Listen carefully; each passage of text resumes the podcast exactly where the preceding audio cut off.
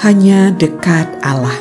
3 Januari 2022. Spiritualitas keseharian. Lukas 2 ayat 39 sampai 40. Setelah selesai semua yang harus dilakukan menurut hukum Tuhan, kembalilah mereka ke kota kediaman mereka, yaitu kota Nazaret di Galilea. Anak itu bertambah besar dan menjadi kuat, penuh hikmat dan anugerah Allah ada padanya. Hidup tak sekadar perayaan, namun juga keseharian.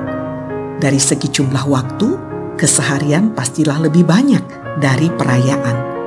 Hidup memang tak sekadar pesta, dan pesta pun akhirnya usai. Itu jugalah yang dilakukan keluarga Yusuf dan Maria.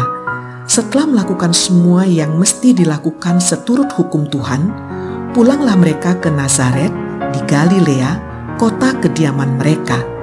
Yusuf kembali ke pekerjaannya selaku tukang kayu, dan Maria pun kembali pada tugasnya sebagai istri dan ibu.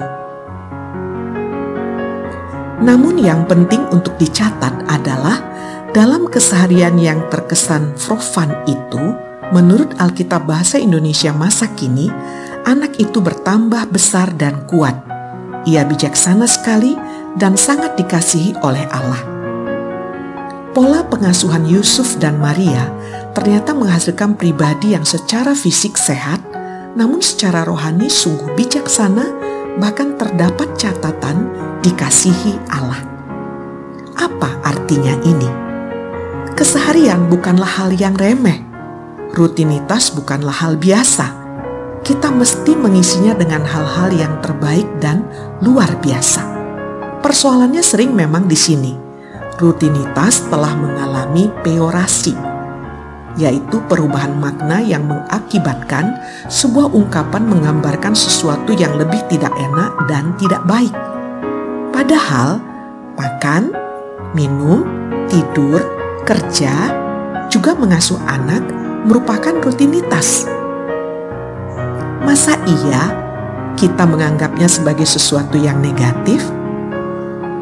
Oleh karena itu, kita perlu memberi makna rohani pada yang rutin-rutin tadi. Dan itu bisa kita sebut sebagai spiritualitas keseharian. Salam semangat dari kami, literatur perkantas nasional. Sahabat Anda bertumbuh.